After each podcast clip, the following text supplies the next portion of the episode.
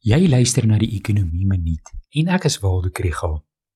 Die afgelope week was daar 'n paar stukkies ekonomiese nuus wat my oog gevang het, wat ek graag hier wil deel.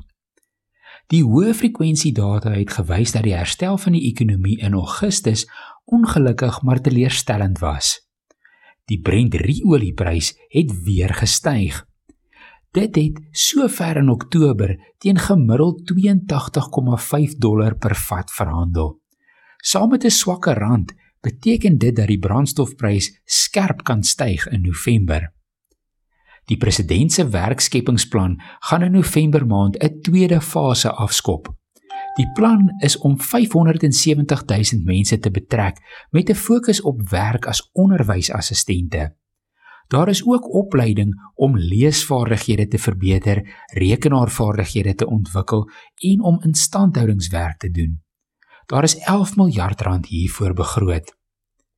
Met die mini-begroting op 4 November is daar heelwat druk op die minister van Finansies om die belastinginkomste van die onlangse kommoditeitssupersiklus slim te gebruik. Dit is veral die vermindering van die koste van die staatsskuld wat belangrik is. Op die oomblik word 20 sent van elke rand belastinginkomste gebruik om rente op die staatsskuld terug te betaal en die koers op 30 jaar effekte staan op amper 11%. Hierdie week Woensdag word die verbruikersprysinflasiesyfer vir September bekend gemaak. Ekonome verwag dat dit effens toegeneem het vanaf 4,9% in Augustus tot 5% in September. Kerninflasie behoort stabiel te bly rondom 3,1%.